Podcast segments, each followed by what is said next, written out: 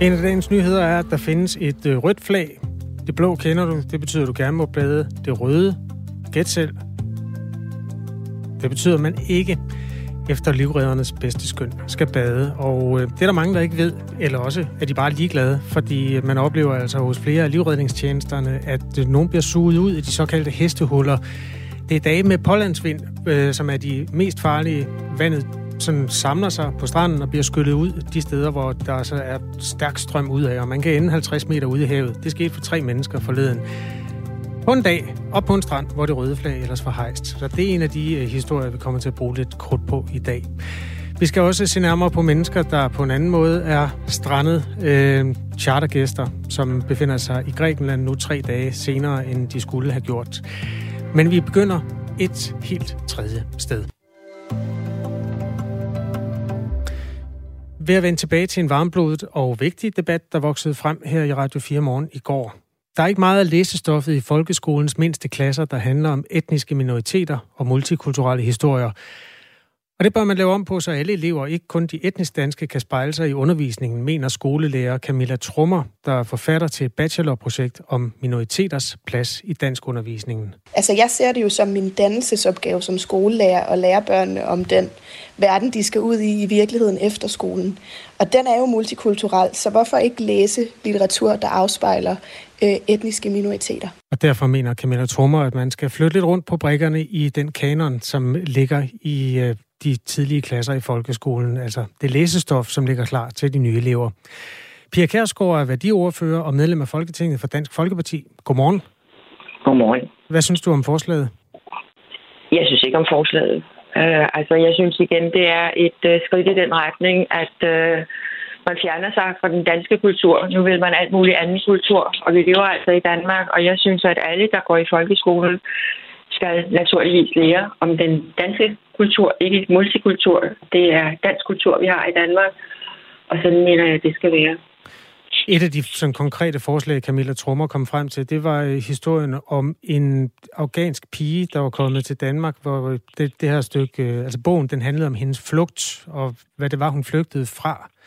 Kan det ikke være meget nyttigt for os for etnisk danske børn at kende den del af forhistorien for de mennesker, de omgås? Jo, men jeg tror, det indgår i den almindelige danske debat. Det kan vi jo næppe indgå, fordi ja, det foregår, og det er ikke sådan, at man skal undgå en debat. Men ligefrem at lave en øh, speciel hvad skal man sige, øh, en speciel øh, opgavelæsning i forhold til det, det synes jeg ikke. Det er jo noget, der bliver debatteret i det danske samfund. Det er noget, der bliver vist i medierne. Det er noget, der bliver tale om. Men ligefrem at lave det som et pensum, det har jeg altså, det må jeg sige, det forstår jeg ikke, hvad det skal til for. Nu er det jo folkeskolens små klasser, der er i tale her, og det er jo ikke, fordi deres forbrug af almindelige medier er så stort. Øh, kan man ikke øh, af den grund bringe det i spil? Nej, det synes jeg ikke. Øh, det synes jeg, jeg kan ikke se, hvorfor. Altså, øh, stadigvæk så bor vi i Danmark. De børn, der går i folkeskolen, og det gælder alle børn, skal have en, øh, en god læring i, i det samfund, de vokser op i. Og det, der, og det samfund, man vokser op i i dag, det er altså stadigvæk det danske samfund, selvom der er andre kulturer. Og hvad er det i øvrigt, man, man skal lære? Altså, hvor langt skal man gå? Øh, skal man lære om forskellige skikke, øh, der er i, en dansk kultur, øh, i andre kulturer, eller skal man alene øh, være i den kultur, som er i Danmark, og hvor det er almindelige skikke. Altså, jeg har lidt svært ved at forstå det her, at øh, man pludselig skal bevæge sig ind på et andet område i en, i en folkeskole, der i den grad i øvrigt øh, er er desværre for nedadgående i forhold til den almindelige læring. Det ved vi jo, at øh, børn er ikke så dygtige i dag, når de kommer, heller ikke når de kommer op på de forskellige øh, klassetrin, til at lære at skrive og regne, som man godt kunne ønske. Så jeg synes, at man skal være meget fokuseret på, at det er dansk læring, det er dansk kultur, det er Danmark, vi bor i, og det skal alle være med til, også dem, der kommer fra et andet sted og går i den danske folkeskole. Pia Kærsgaard er altså værdiordfører og medlem af Folketinget for Dansk Folkeparti, og det her det tager udgangspunkt i et debatindlæg fra Camilla Trummer, der er skolelærer og har lavet et bachelorprojekt om minoriteters plads i dansk undervisningen. Nu er det jo skøn litteratur, som øh, hun øh, spiller ind med her, øh, Pia Kærsgaard, og i går der ringede jeg til Manu Saren, der foruden at være tidligere radikal politiker, også er forfatter til 10 øh, børnebøger i serien om Iqbal Farouk, en rask dreng, der øh, ja, har indvandrerbaggrund. Han er fra Nørrebro. Og jeg spurgte ham blandt andet, hvad det er, som er i spil i forhold til den her anderledeshed, han synes er så vigtig. Altså, hvad er det, der, der er vigtigt ved at beskrive en anden type baggrund? Jeg har ADHD, og der er nogen, der siger, at hovedpersonen, det har jeg ikke vidst, men øh, også har lidt ADHD-træk, ikke? Der er fuldt knald på ham. Og jeg kan love dig for, efter jeg sådan er blevet bevidst om det, jeg har læst op for andre børn, noget, hvor jeg siger sådan, at han er øh, ADHD-hovedpersonen. Øh, det er danske børn, og de tænker, ah fedt, de kan også identificere øh, øh, som, med ham. Så det, det er ikke det, det handler om. Det handler om øh, genkendelighed, det handler om at blive inkluderet i et fællesskab også, øh, hvor man måske har et, en anderledeshed også. Hvad siger du til det argument, Pia Kærsgaard? Jeg siger, at øh, altså igen er det jo noget, ja, der er nogen, der har ADHD, Øh, og, og skal man nu øh, undre sig over, at børn med anden etnisk baggrund har ADHD? Altså, jeg synes, det, jeg synes, det gør det kunstigt på en eller anden måde. Øh, har børn med anden etnisk baggrund ADHD, jamen så tager man imod det. Nej, jeg tror ikke, det er det, der er argumentet. Øhm, jeg tror, argumentet er, at hvis man har ADHD, så er det interessant, at øh, der findes litteratur om børn, der har ADHD. Ja. Og hvis man okay, er anden baggrund, ja, så kan man... Ja så kan man jo, så kan man jo øh, inkludere meget i folkeskolen, hvis det er den vej, vi skal gå. Altså, så kan vi jo komme ind på alle mulige andre ting. Jeg tror, at det her vil svække den almindelige danske undervisning. Det tror jeg er bedre at skære det ud på den måde så. Og sige, hvis vi skal have alle mulige ting ind øh, i, i den danske undervisning, om børn, der har en anden øh, etnisk baggrund, nogen, der har ADD, ADHD, nogen, der måske har noget andet. Altså, så tror jeg virkelig, at vi svækker den danske undervisning. Og der tror jeg, at alle har bedst gavn af at lære det, som vi normalt lærer i den danske folkeskole, og skal fokusere på det. Fordi det er jo altså det danske samfund, man skal ud i senere, uanset om man er en med anden etnisk baggrund, eller man er en med dansk baggrund. Så er det det danske samfund, man skal ud i, og det tror jeg, man skal passe på, at man ikke spreder sig alt for meget i den danske folkeskole. Der har været, efter min mening, i øvrigt alt for meget inklusion i den danske folkeskole, som har svækket den danske folkeskole. Mm. Og nu forsøger man altså endnu mere. Og det synes jeg bare er forkert. Øh, et af folkeskolens formål er ifølge folkeskoleloven, at man skal forberede eleverne til deltagelse, medansvar, rettigheder og pligter i et samfund med frihed og folkestyre. Øhm, der er kommet en sms fra vores lytter, Martin, hvor er det nu han? Jo, han skriver, er dansk kultur ikke også multikultur? Nej, det mener jeg bestemt ikke, at dansk kultur er, og skal aldrig nogensinde blive det. Altså dansk kultur er dansk kultur. Dansk kultur er multikultur, uanset hvor meget man forsøger at sige, at det skal det være. Nej, det er det ikke. Dansk kultur er én ting, og det er dansk kultur. Jeg er fra 1971, øh, jeg var folkeskolebarn i 80'erne, og øh, det larmer lidt bag ved dig, Pia Kjærsgaard. Jeg ved ikke, om du er ved at tømme opvasker eller sådan noget? Nej, det er jo godt nok ikke. Okay. Øhm, jeg, øh, jeg, jeg kan huske i min folkeskoletid, der læste vi blandt andet en bog, der hed Mario af Jytte Borberg, og vi læste en, der hed Fremmed af Leif Esper Andersen. Det var to bøger, der handlede om fremmedarbejdere, som jo var den, det etniske mindretal dengang. Jeg synes egentlig, det var, øh, altså det gjorde enormt indtryk, fordi det var sådan kæmpe dramaer. Ville du have valgt dem fra dengang, øh, hvis det havde været op til dig? Det kan jeg ikke sige. Det kan jeg faktisk ikke sige, om jeg vil, fordi hvis man er lærer i en folkeskole, så er der meget, man skal tage stilling til. Der kan være andre ting. Altså, jeg synes, det er vanskeligt for mig at sige, en enkelt bog, om jeg ville have valgt den fra. Det kan jeg faktisk ikke svare dig på. Det er meget muligt, at jeg ville have bragt den ind under undervisningen, fordi den var relevant. Øh, det, det kan jeg faktisk ikke svare på øh, i det øjeblik, om lige præcis den bog, at jeg ville have valgt den fra. Det jeg siger, det er, at jeg tror bare, man skal passe på, at man ikke gør det til noget, man skal. Det kan godt være, at der lige pludselig kommer noget ind, som man synes er interessant at, at læse eller delagtiggøre eleverne i. Men jeg tror bare, man skal passe på, at man ikke gør det til noget fast, at det, sådan skal det være. Fordi så tror jeg nemlig også, at det kommer til at tage overhånd. Og igen, hvis det bliver til noget fast pensum, at nu skal man øh, have det og det og det og det, og det bliver en eller anden form for tvang, at sådan skal det være, sætter det bare det, som vi jo fokuserer folkeskolen og skal fokusere folkeskolen meget på. Netop dansk undervisning, at man lærer samfundskundskab, at man kender det danske samfund. Og det synes jeg er en fordel, hvis også elever med anden etnisk baggrund deltager i, at det også bliver en del af det.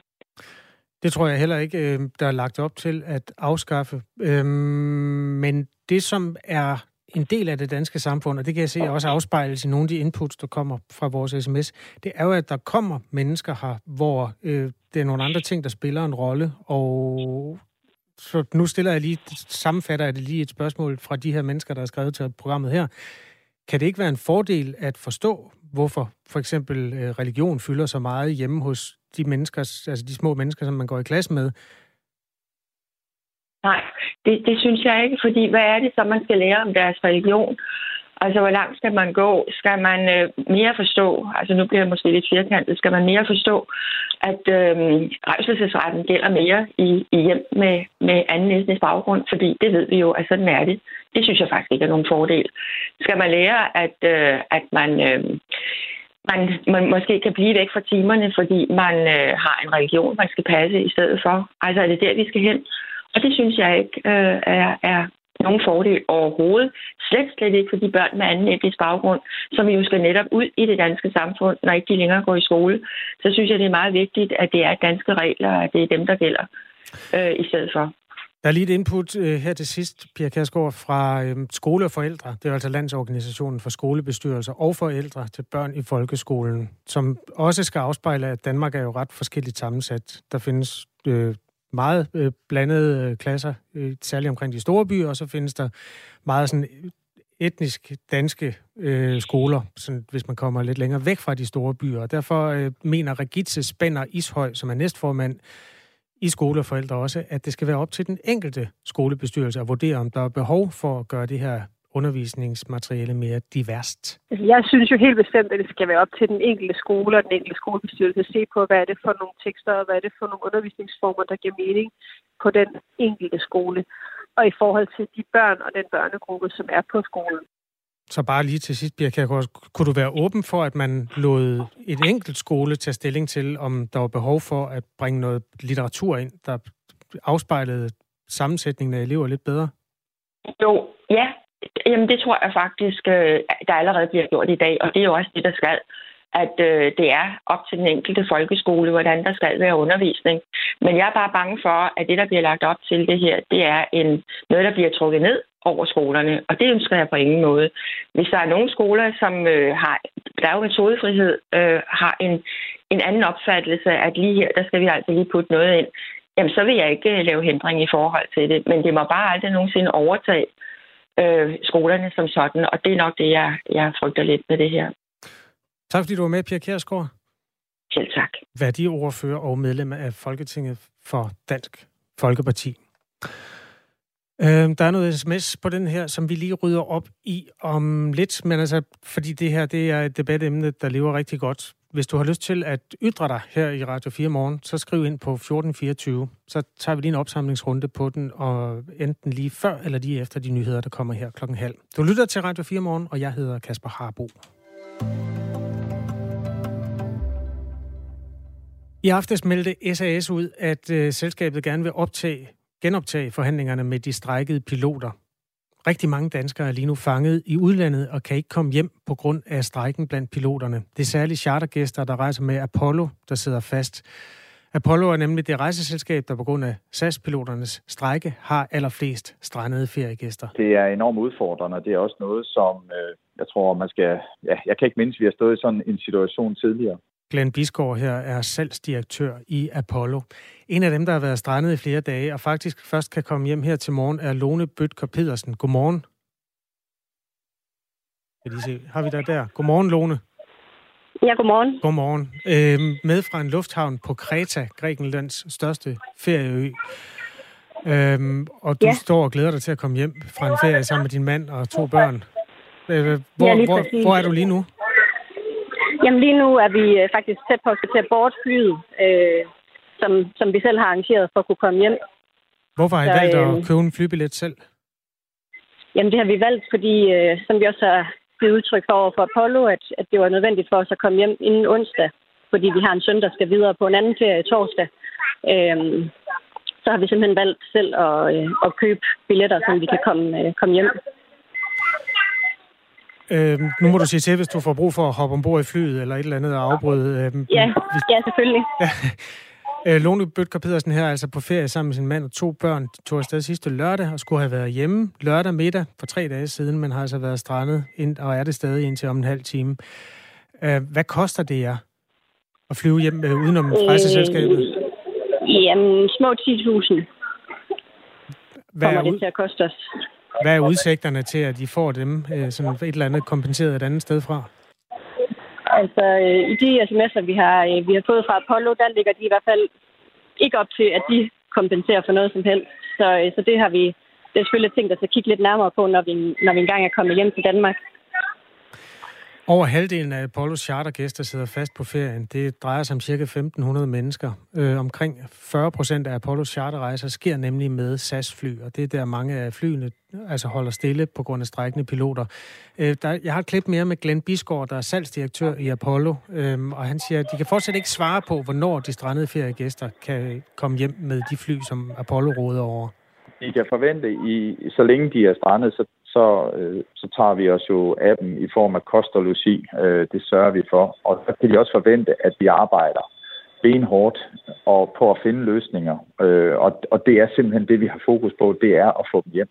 Øh, og for dem, der er derude, øh, der kan jeg jo forsikre dem om, at, at det, det, vi beder dem om at væbne sig med lige nu, det er lidt tålmodighed, og så også øh, forsikre dem om, og, og de skal være 100% sikre på, at vi gør alt, hvad vi kan for, at de øh, kommer hjem hurtigst muligt. Lone Bøtger Pedersen, nu har I jo været der i tre dage på forlænget ophold. Hvordan har det været? Kan man bare væbne sig med tålmodighed og nyde, at nogen betaler maden? Altså, man må sige, at han har jo ret i, at vi blev taget godt hånd om og har haft øh, vores værelse på hotellet og fået mad og drikke som, som de andre dage på ferien. Men øh, det, der ligesom har været den største udfordring, det er, at vi synes ikke rigtigt, at vi får så meget information. Altså, vi skal ligesom selv tage fat i Apollo, for at, at vi får, får noget information. Og det er meget sådan standard, det vi får at vide. Øhm, så informationsniveauet, det, det synes vi godt kan være lidt bedre. Og jeres søn skal altså videre på en anden ferie. Når, at, var det, det er i morgen så? Det, det, er, det er onsdag i morgen? Øh, det er torsdag, han skal afsted. Okay, sorry. Øhm, kunne I ikke bare skibet ham afsted med et fly så, og så øh, nyt, nyt det ind til Apollo kunne bringe jer hjem? Altså, han, han er kun 13, så vi synes ikke rigtigt, at øh, det ville være forsvarligt at sende ham afsted. Men altså, vi har selvfølgelig været i kontakt med Apollo og sagt, at vi har været meget fleksible, og at de kunne sådan set sende os til København eller til Billund eller Hamburg for den sags skyld, for at, at vi bare kunne komme lidt tættere på Aalborg. Øh, men, men det har heller ikke været muligt at, at finde en løsning den vej igennem, så derfor har vi ikke rigtig følt, at vi har haft andre muligheder. Nu har I, har I tjekket bagagen ind? Ja, det har vi. Okay. Hvornår letter flyet? Øh, det gør det øh, om cirka 20 minutter. Jeg skal ikke tage mere af din tid. Lone Bøtker Pedersen, hils din familie. Tak fordi du var med her. Ja, tak. Hej hej. Hej hej. Altså øhm, en kvinde, der er sammen med sin mand og to børn, glæder sig til at komme hjem fra Kreta. En rejse, der skulle have foregået med et fly allerede i lørdags, men som kommer til at ske af anden vej øh, nu. Jeg hører gerne fra andre, der er kommet i klemme i den her øh, strejke, den her øh, arbejdskonflikt imellem SAS og piloterne. Du kan skrive ind på Radio 4 Morgens sms ved at skrive til nummer 1424. Badegæster trodser badeforbud. Måske fordi de ikke øh, forstår, hvad et rødt flag egentlig betyder. Det blå flag betyder jo, her er en dejlig badestrand, og du kan bare hoppe i den. Det røde flag betyder, at du skal lade være. Det signalerer badning forbudt på grund af livsfarlige badeforhold, og det har faktisk været rejst flere gange i den seneste uge, fordi det har blæst meget. Der er bare mange, der ikke respekterer flaget. Det fortæller Lasse Sirup Jensby, der er driftleder hos Trykfondens Kystlivredning, der har 35 livredderposter fordelt i hele Danmark. Vi kan jo se folk øh, på en solskinsdag, så kan der stadigvæk være nogen, der har lyst til at gå i vandet alligevel. Men vi er ikke politi, så vi kan ikke, vi kan ikke stoppe folk. John Mogensen er livredderchef i den nordsjællandske kystlivredningstjeneste, og han påpeger, at der flere gange den sidste uge har været behov for at redde mennesker ud, der har trodset det røde flag og de livsfarlige badeforhold. Jamen, det er faktisk et relativt stort omfang. Øh, også fordi, at når vi sætter et rødt flag op, så kan vi jo reelt ikke forbyde badning. Vi kan bare fraråde det kraftigt. Og, og det vil sige, at vi har ingenting at komme med, når folk bader til højre og venstre, for, både for vores flag, men gør det alligevel. Så, så det er Det, der er for os, det er nok den, at hver gang der er en, der er ved at drukne, så skal vi have en mere ud i vandet. Og det er okay, hvis det er livredder, men nogle gange er det mor eller far eller bedsteforældre, der synes, de skal hjælpe til. Og det gør bare det hele meget mere kompliceret. Hvornår har I sidst hejst det røde badeflag? Jamen, øh, det var så i forgår, så der var røde flag op, og det var i tirsdags, vi hævde tre ind. Hæve dem ind. Vil, vil du beskrive, hvad det er for en situation, der opstår, for, øh, og hvad det var, der var baggrunden for, at det røde flag var op? Jamen, det er for vores vedkommende, der er det oftest, når der er pålandsvind, og så der kommer huller i revlerne, altså revlehuller eller hestehuller. Og de fleste kan godt forstå efterhånden, at man ikke skal bade op af moler og høfter. Det, der kommer bag på dem, i hvert fald i Nordsjælland, det er, at man faktisk kan drukne på første revle, og det er tre skridt fra, du er fra knæene, til du bliver trukket ud af på to meters dybde. Pålandsvind betyder altså, at vinden kommer indad. Hvad er det, der, der sker ved de der hestehuller? Kan du beskrive øh, sådan fysikken i det? Jamen, det er forholdsvis enkelt, øh, at der bliver presset en masse vand ind over revlerne, og det stuer sig op derinde og prøver den finde det sværeste sted i revlen at komme ud. Så når man føler, at vandet trækker sidelæns, mens man bader, så bliver man bare stille og roligt trukket hen mod det hul, der er en lille smule længere til venstre eller højre for en. Og det går bare hurtigere, end man regner med. Altså, vi op hos os, der trak strømmen i forgår, så trak med noget, der ligner 4-5 knop. Øh, og det er altså rigtig hurtigt. Det er mere, end man kan svømme imod. Hvor langt når de så at blive skyllet ud, de her mennesker? Jamen, det, det er det, der er det sjove. De kommer sjældent længere end 50 meter ude, men de bliver ved med at svømme lige mod strømmen og går i panik. Og så tager de fat i den nærmeste gæst, der er ved siden af dem, eller den person, der går ud og prøver at redde dem, og trykker dem med ned under vandet. Og så længe det er livredderen, der går med ud, eller nogen, der kender til det her, så går det nok. Det er mere det der med alle de andre behjælpelige sjæle, der går med ud, og det kommer fuldstændig bag på dem, at de har et barn eller en anden voksen, der prøver at kravle op på hovedet af dem. Med i Radio 4 morgen er altså lige nu John Mogensen, der er livredderchef i den nordsjællandske kystred livredningstjeneste, øh, som har stationer på 24 strande. Og nu dvæler vi ved, at der var tre mennesker, der blev reddet ind. Øh, altså noget i dem, men er de okay i dag? Jamen, de er okay, fordi at de var nemlig lige netop fornuftige nok til at bade ved siden af livredderen. Og vi prøver at udpege et mindre område, prøver at undgå at lukke stranden fuldstændig, når, når det er rødt flagsvær. Fordi så kan vi se de mennesker, der går ud, og vi kan snakke med dem, inden de går ud. Fordi at jeg kan godt forstå, at der er nogen, der gerne vil gå ud til knæene øh, på sådan en dag og døbe sig lidt. Det er, det er mere den der med, at så nøjes med at gå til knæene, og så bare lige døbe dig der og snakke med livredderen først. Det virker helt absurd, at man skal beskrive et rødt flag, men vil du ikke lige beskrive, hvordan det røde flag ser ud, så folk, der hører det her? Det er, altså, det er måske ikke så, så kendt en del af bevidstheden som det blå, der betyder, nu skal du bare bade. Nej, øh, det, det er fuldstændig rigtigt. Det røde flag, det er fuldstændig ligesom et trafiklys, at øh, nu skal du lade være med at gå over vejen, fordi det kan være farligt. Øhm, og i trafiklys, der får man en bøde, hvis politiet ser, at du går over. Det gør man ikke med det røde flag på stranden. Der er konsekvensen helt vildt meget anderledes, og, og det, er, det er det, vi prøver at råbe op om. Så et rødt flag, det kan være firkantet, eller det kan være trekantet, men hvis det hænger op i flagstangen, så gå over og snak med livredderen, inden du går i vandet. Hvis øh, det er gul flag, så skulle du også snakke med livredderen, fordi det er oftest brandmænd eller forurenet vand. Så, men der kommer folk oftere. Så findes der jo også et flag, der er halvt rødt og halvt gult. Og der skal man udvise det, der hedder almindelig opmærksomhed, når man bader. Der bliver jo lavet statistik på, hvor mange øh, mennesker, der drukner i Danmark. Og der var øh, i den seneste opgørelse, det er den fra 2020, 54 mennesker, der mistede livet som følge af en drukneulykke. 70 procent af drukneulykkerne sker for øh, mennesker, der er 45 år eller ældre. Så det er altså ikke øh, kun øh, uovervågede børn, det her sker for. Det er i høj grad også noget, der rammer voksne. Øhm, den her øh, samtale så udgangspunkt i, at man altså har jagtet rigtig mange øh, Øh, badegæster, der ikke ved, hvad det røde flag betyder, eller simpelthen vælger at øh, gå en tur i bølgen, selvom øh, det ikke, øh, altså selvom det er frarådet. Det røde flag betyder, at livredderne på stedet fraråder badning, fordi øh, vandforholdene er livsfarlige. Øh, John, og det var altså John Mogensen, øh, livredderchef i den nordsjællandske kyst øh, livredningstjeneste, der medvirkede i indslaget her. Det grønne flag, som tidligere fandtes på strandene, er blevet erstattet af det rød-gule badeflag, som betyder, at man skal tænke sig godt om. Bare for at sige, at det er ikke helt ukompliceret, men rødt flag, det betyder lad være. Det er den korte regel. Nu er klokken halv otte.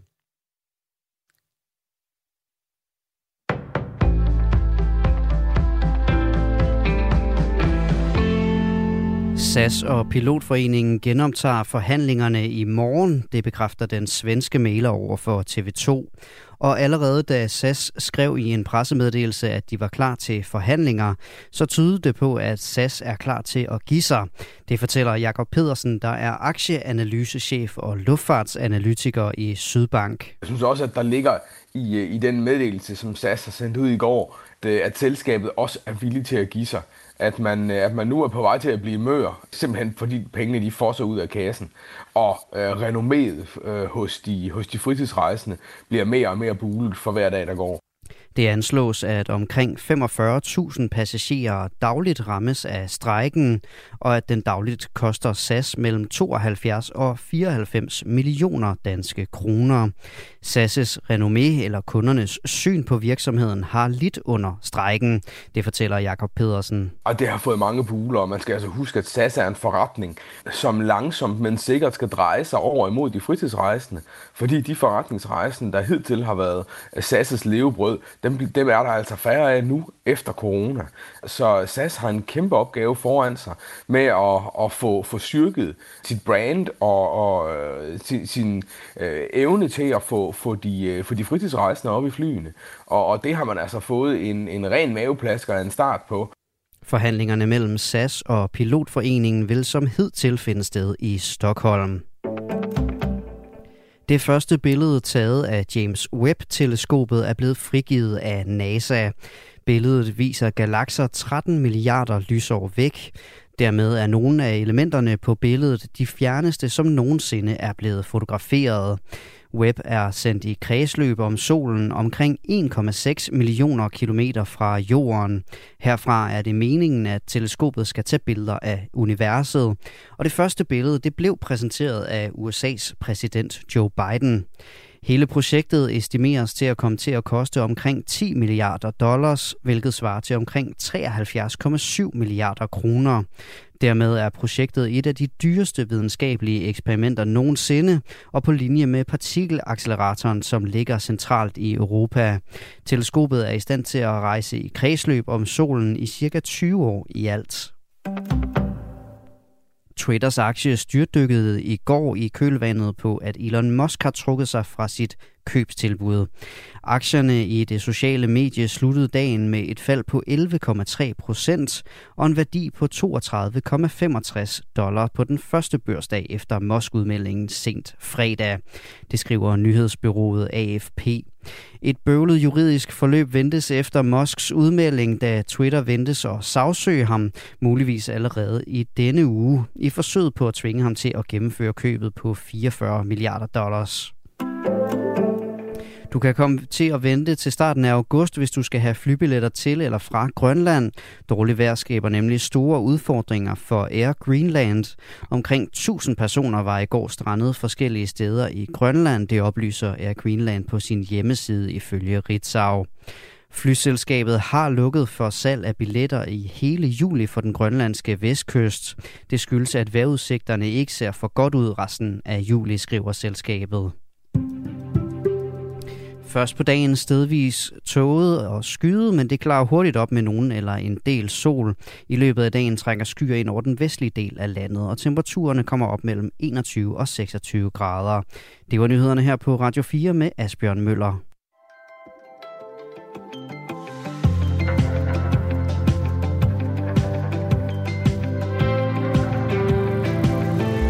Pia Kærsgaard bryder sig ikke om ideen om at bringe mere etnisk betonet, mere minoritetsrig børnelitteratur ind i undervisningen i de små skoleklasser.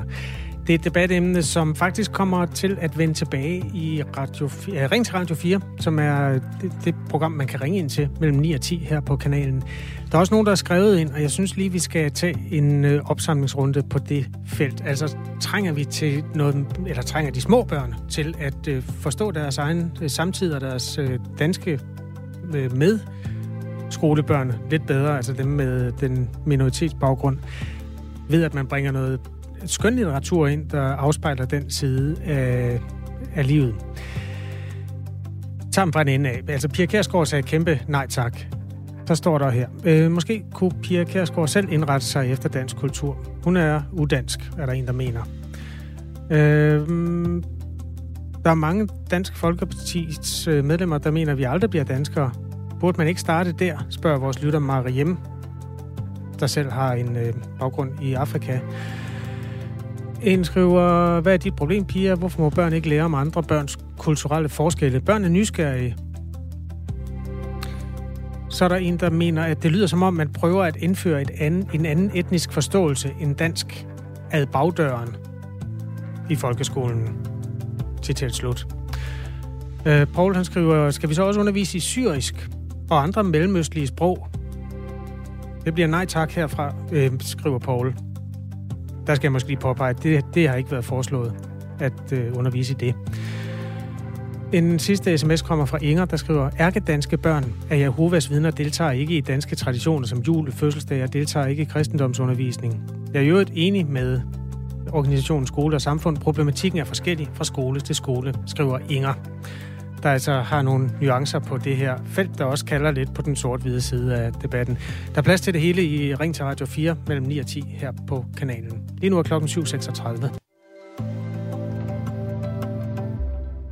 I aften skal Danmarks kvindefodboldlandshold spille sin anden kamp ved EM. Her møder man Finland på Milton Keynes stadion, der ligger 80 km nordvest for London.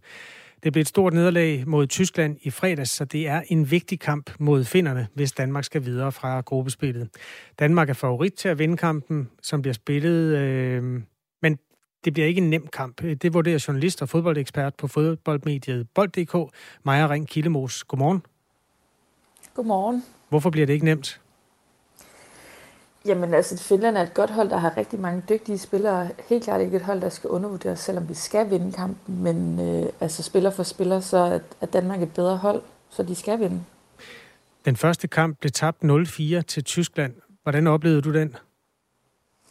Men jeg oplevede, at det var et øh, nervøst og usammenhængende hold, som, som spillede på Brentford Community Stadium i fredags. Øh, det, var, øh, det var et dansk hold, som slet ikke fik sat deres spil på banen, og egentlig ikke fik, fik et ben til jorden mod et stærkt spillende tysk mandskab. Det var som om, at Danmark havde forberedt sig på, at Tyskland skulle spille på en måde, og da Tyskland så ikke gjorde det, så kunne de slet ikke øh, omstille sig.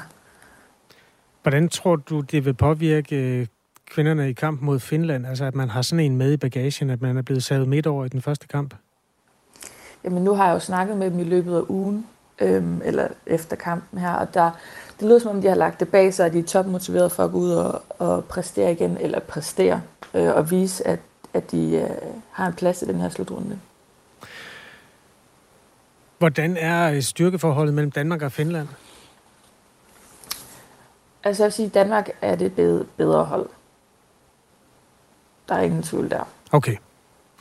Ved det seneste EM i kvindefodbold, øh, som blev spillet, eller EM i fodbold, det hedder det jo, for kvinder. Det blev spillet for fem år siden. Der blev der solgt 240.000 billetter i alt. Der er forløbig solgt dobbelt så mange.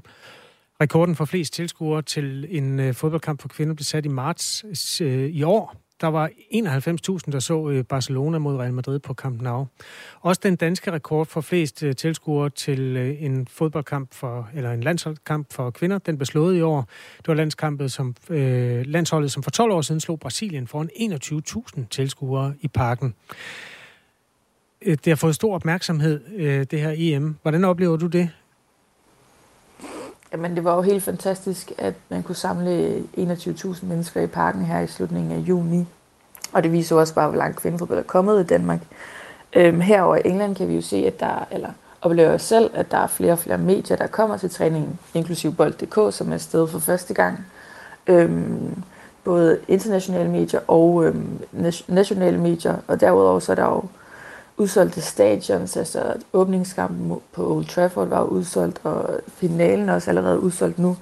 Og så kan man sige, at, at øh, der var jo 1300 danske fans, der havde taget turen til, til England her i, i fredags mod Tyskland.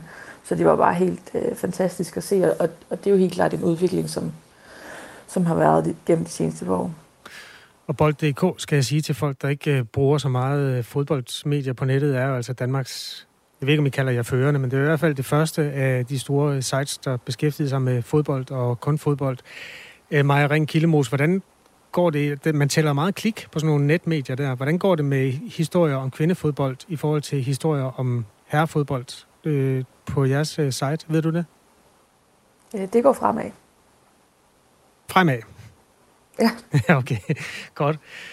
Øh, hvilke konsekvenser kan det have for opmærksomheden på dansk kvindefodbold, hvis det bliver sådan en rigtig mavelanding? Altså et ydmygende nederlag mere, for eksempel? Jamen, der er jo et, et pres på, på kvinderne. Det er, der er jo eksponeret helt vildt til sådan en slutrunde her. Det er nu, de virkelig skal vise sig selv. Og på en eller anden måde, så er de jo kommet til ikke kun at spille for Danmark, men også for kvindefodbold generelt. Men nu snakkede jeg med Pernille Harde her for nylig, og hun sagde sådan, at det er, det er repræsentationen, der er helt vildt vigtig. Altså det er vigtigt, at unge piger kan se, at man godt kan være professionel fodboldspiller som kvinde, og kan se, at der er nogen, der vil at man har de her idoler, og nogen man kan, kan se op til. Men det er det helt vildt vigtigt, at, at de præsterer, så de kan vise, at, at det, det er værd, værd at se det her kvindefodbold, som jeg synes, det er. Øhm, vi så også i Tysklandskampen, at der var mange unge piger, der stod ude foran og, og ventede på, på, at de danske spillere kom ud, og der var nogen, der græd, da de så Pernille Harder. Og det, er jo, det viser jo bare, at interessen er der, hvor vigtigt det er, at, at vi har et kvindelandshold. Hvem vinder det her EM? Ja, det er et super godt spørgsmål. Tak. Øh, jeg har jo en, en stor fordus for, for Spanien, øh, men ellers, som jeg, som jeg har set England spille her for nylig, også lige de vandt 8-0 over Norge i går, så tror jeg, at de er en rigtig, rigtig, rigtig god kandidat. Danmark spiller øh, mod Finland kl. 19. Kampen bliver vist på DR1, og ellers så kan man læse et fyldigt sammendrag på bold.dk. Maja Ring øh, Kildemos, tak fordi du var med i Radio 4 morgen. Selv tak. Journalist og fodboldekspert ved Bold.dk.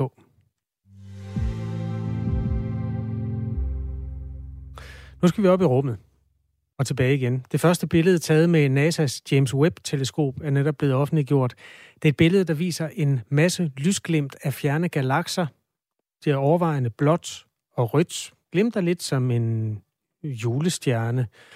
Øh, og så er der lidt buer og spiraler og sådan noget.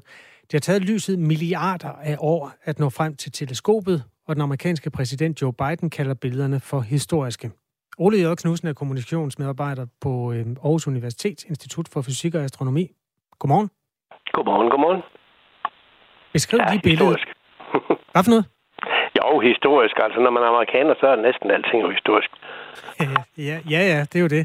Hvad er det. Hvordan er det så for en, øh, en mand, der har været astronom i hen ved 40 år? Er det også historisk for dig? Nej, men det er rigtig, rigtig spændende at se, at der nu kommer noget fra, fra James Webb rumteleskopet efter mange år. ikke 40 års ventetid trods alt, men altså 10-15 år, hvor det har været forsinket og næsten aflyst osv. Nu øh, har vi taget det i brug, nu kan vi begynde at, at få noget ud af det her spændende stykke, stykke isenkram.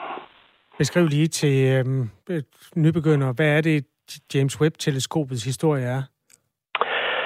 Oh, den er lang, men, men øh, det startede med, at man ville sende en afløser for Hubble-rumteleskopet, som mange jo har hørt om, øh, sende op i god tid, inden det begyndte at bryde sammen. Øh, og øh, så var der som sædvanligt budgetoverskridelser og forsinkelser og tekniske problemer og jeg ved ikke hvad. Øh, så til øh, vores øh, James Webb-teleskop her har sådan set stået klar til at blive opsendt i et par år. Øh, men nu er det altså afsted, det blev sendt afsted julemorgen. Det var der ikke nogen øh, symbolsk idé i, sådan set, sidste år. Og nu er det på plads 100, nej, hvad hedder, halvanden million kilometer øh, væk fra jorden. Og øh, det du op øh, beskrev som julestjerner, det er fuldstændig rigtigt, men det er altså rigtige stjerner. Det er stjerner i vores nærhed, men så ligger der om bagved en masse klatter. Og det er dem, der er særlig interessante, især de røde af dem, fordi de er hamrende langt væk op mod så langt væk, så øh, de er set, da universet måske kun var 100 millioner år gammelt, og det er ikke ret meget for et univers. Ole Jørgen Knudsen, hvad, hvad gik man efter, da man tog det billede der? Det virkede som om, man bare har skudt i togen, så at sige. Det har man ikke. Øh, man gik efter, at der ligger en øh, i midten af billedet, som lytterne kan se, når de, når de finder det på hjemmesiderne. Øh, der ligger en stribe af forholdsvis klare, hvide galakser, altså mælkevejssystemer, og de ligger kun 4 milliarder lysår væk. Og så fungerer de øh, som en slags forstørrelsesglas, man holder op for, for universet længere væk, sådan så man ser endnu fjernere galakser forstørret op, og det er de der buer, som du snakkede om.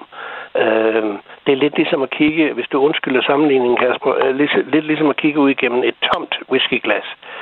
Øh, så ser man også sådan nogle, nogle øh, samtidig i hvert fald, sådan nogle, nogle lys, der bliver øh, trukket ud i striber. Det kommer an på, hvor mange whiskyer man har fået måske. Ja, så ser man jo dobbelt, ikke? Ja, det er men, men, men, men, øh, men, men nej, altså den der fortegning, der er tyngdekræfterne fra, fra sådan en galaksehob, vil fungere som forstørrelsesglas. Lad os bare tage det på den måde. Og det billede, man kan se, øh, hvor der er omkring øh, på et slag på tassen 10.000 galakser af størrelse som vores mælkevej, det fylder på himlen, hvad der svarer til at holde et sandskorn ud i strakt arm. Nu beskriver du, at det er nogle millioner kilometer væk fra jorden. Og så beskriver du, at der er taget billeder af noget, der er milliarder af lysår væk. Ja. Det er et tal, der er så stort, så det giver ingen mening at forklare det. Men det er jo meget, meget, meget, meget, meget, meget, meget mere end den afstand mellem jorden og teleskopet. Hvorfor kunne man Ja. ikke bare have taget billedet fra, altså, fra jorden? Fordi jorden er i vejen, han har sagt. Øh, altså, vi har rumteleskoper er gode, fordi øh, de er uden for atmosfæren, og dermed så bliver det, vi kigger på, ikke forstyrret af en masse flimmer fra luften. Det er det, man kender sådan en sommerdag hen over, over en vej, for eksempel. Så det er en god idé, men også en sindssygt dyr idé at sende ting ud i rummet, som man skal så kunne styre og, og tage billeder ned fra. Men når vi nu har besluttet os til at, at, at lave et rumteleskop, så vil vi i det tilfælde meget, meget gerne lave et, som fotograferer i infrarødt lys, altså varmestråling. Og det vil sige, at det skal være et koldt sted. Og et af de koldeste steder i nabolaget, det er altså halvanden million kilometer øh, væk fra jorden i retning væk fra solen også. Der kan man så hænge det op, det her teleskop, og øh, sætte nogle store øh, solskærme op, og så har det det dejligt koldt og, og afslappet derude. Hvad er det bedste, der kan komme ud fra James Webb? Hvad, altså, der er altid en eller anden guldhorn, man går og håber på i de forskellige brancher. Hvad, hvad vil være det mest fantastiske, det her øh, teleskop kunne tage et billede af? Øhm, lige lige i, i, i første omgang her, så kommer der nogle data i eftermiddag øh, fra en exoplanet, der hedder WASP 96b. Den kender vi jo alle sammen. Mm. Øh, men det vi ved, det er, at den har en overflade, og øh, der kommer så ikke billeder, men der kommer målinger af, hvad der er på den overflade, og hvad der er i den planets atmosfære. Og det er nok noget af det mest spændende. At det, øh, med James Webb kan vi begynde at analysere atmosfære øh, på planeter, som ligger i kredsløb om andre stjerner, og se, om der er liv jo selvfølgelig. Det brummer og bimler og gør ved. Er du også i kredsløb et eller andet sted, Ole og Knudsen? Nej, jeg tror, jeg har lagt min mobiltelefon mindre end to meter fra den anden telefon, så det er derfor. Okay, vi må hellere slippe dig nu. Tak fordi du var med. Ja, velbekomme. Kommunikationsmedarbejder ved Institut for Fysik og Astronomi på Aarhus Universitet, Ole J. Knudsen.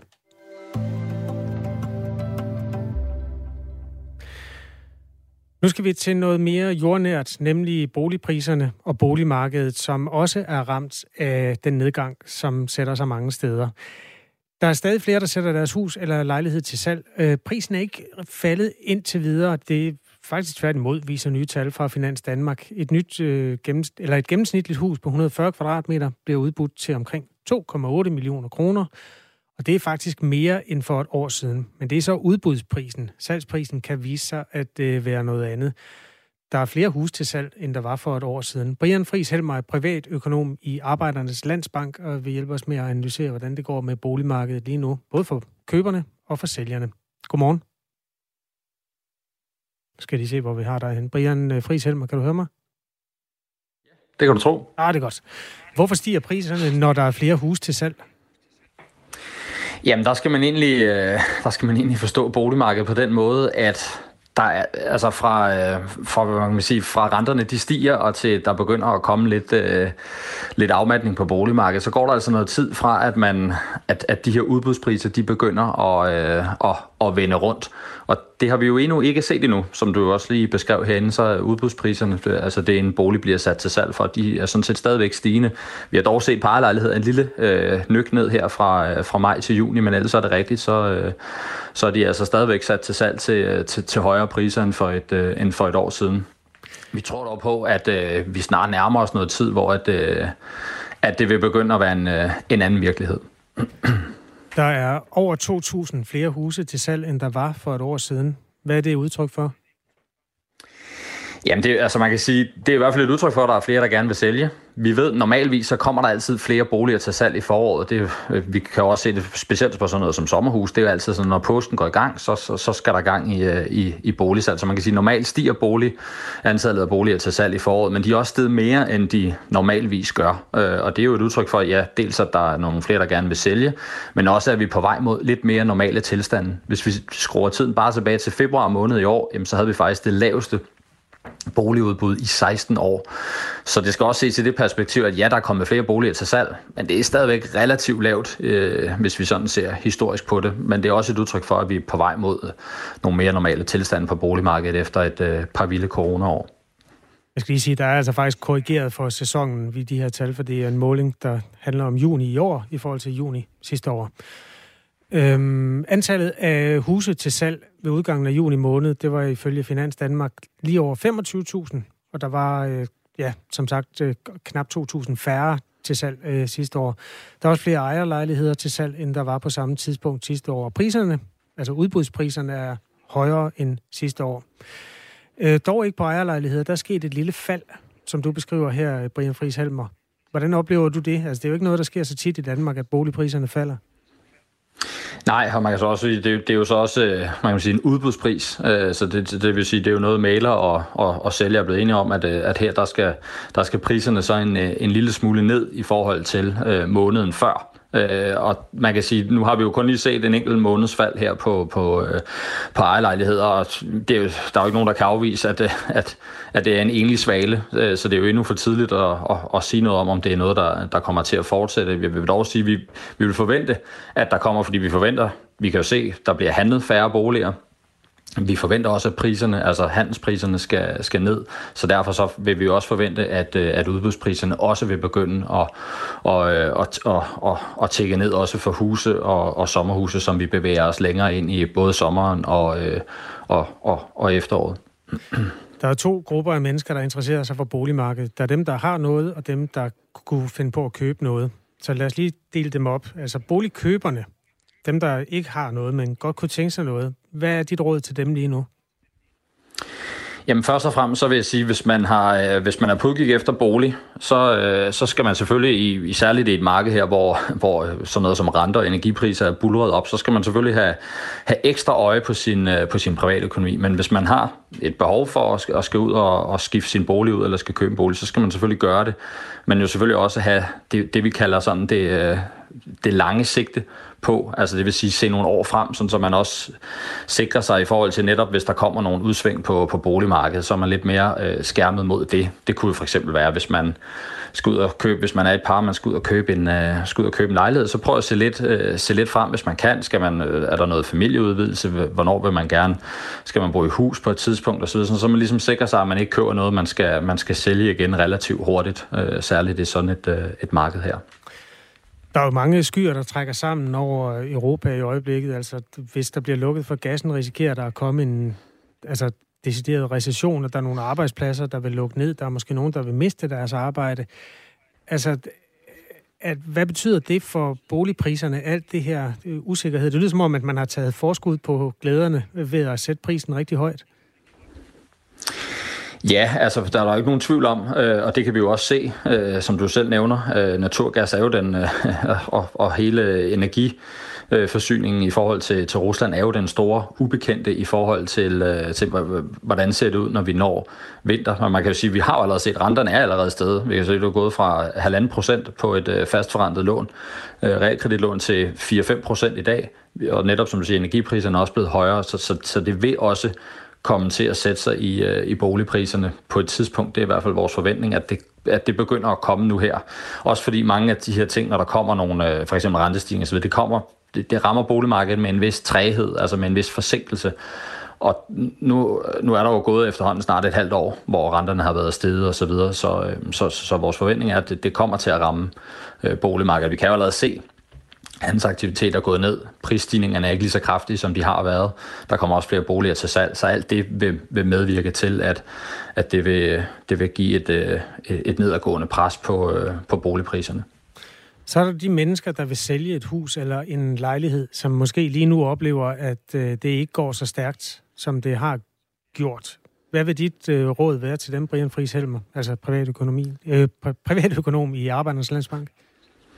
Jamen altså først og fremmest, så skal, synes jeg, at vi, vi, igen, hvis man skal ud og, og har behov for at sælge sin bolig, så skal man selvfølgelig gøre det. Og så skal man jo glæde sig over, særligt hvis man har haft boligen i, øh, lad os bare sige, måske 5 eller 10 år, så skal man jo glæde sig over, at man formentlig, medmindre man selvfølgelig har, har, lånt, øh, har, har lånt op i, øh, i frivilligheden på forhånd, så, så, så skulle der jo gerne være en pæn gevinst alligevel, selvom man måske skal være, at det tager lidt længere tid at sælge den, og selvom man måske lige skal skære 5% af, af, af udbudsprisen, så, så, så vil der jo stadigvæk være en, øh, ja, en pæn gevinst for, øh, for langt de fleste, trods alt.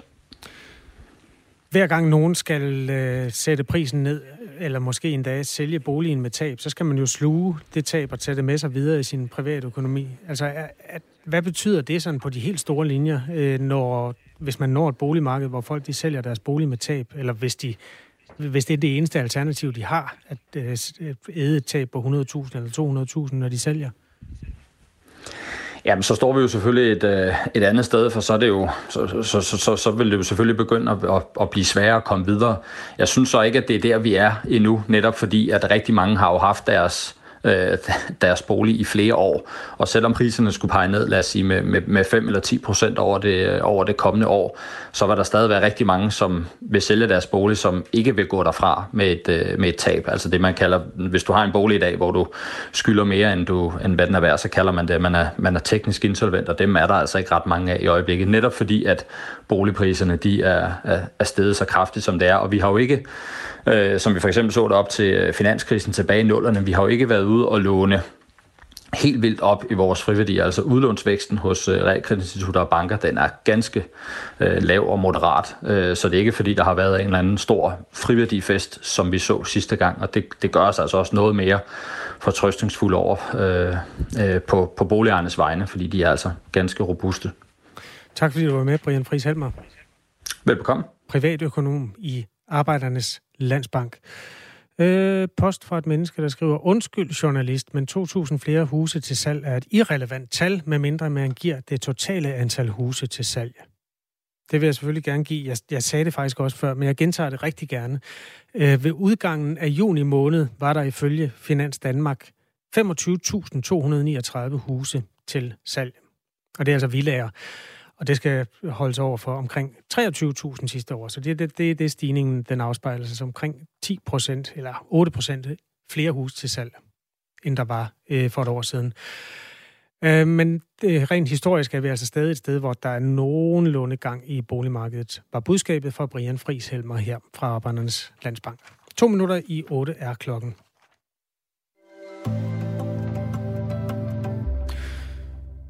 Ritzau har i dag, altså nyhedsbyrået, lavet en opsamling på øh, et fænomen, der følger efter skyderiet i Fields i sidste uge, nemlig konspirationsteorier, der bliver spredt, og misinformation på nettet.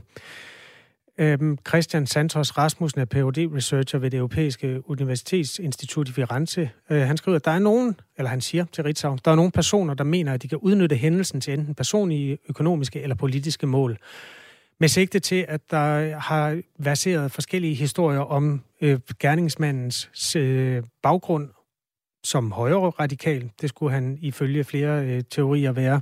Og at det var et angreb, der var racistisk motiveret. Alt det her er jo blevet afvist af politiet af flere omgange, og øh, det viste sig jo også, at øh, antal, altså offrene var øh, bredt sammensat. Der var ikke noget sådan, hverken i forhold til køn eller øh, etnisk baggrund, der der pegede på, at gerningsmanden skulle være gået efter nogle bestemte, hverken hvide eller brune eller andre farver mennesker. Men øh, de her udokumenterede historier øh, er ifølge forsker her Christian Santos Rasmussen noget, der spredes på nettet i ønsket om at vildlede folk ud fra et bestemt formål. Det kaldes desinformation. Historierne går fra desinformation til misinformation, når folk, der deler dem videre i god tro, ikke kender den fejlagtige information bag dem, øh, siger han advarende. Og øh, det er jo altså en type historie, der for eksempel kan handle om enten sådan i timerne efter, at der skulle have været en form for islamistisk øh, klangbund for det her angreb, og det blev kaldt terrorangreb, inden det viste sig, at der altså var tale om en, en mand, der formentlig ikke var ude i det ærne. Og øh, det racistisk motiveret har politiet jo altså også tilbagevist. Hvis du er stødt på nogle af de historier, så hører jeg meget gerne fra dig i Radio 4 Morgens sms. Du kan skrive ind til Radio 4 Morgen ved at skrive til 1424 med din mobiltelefon. Altså en sms til 1424. Lige nu er klokken 8. Nu er der nyheder.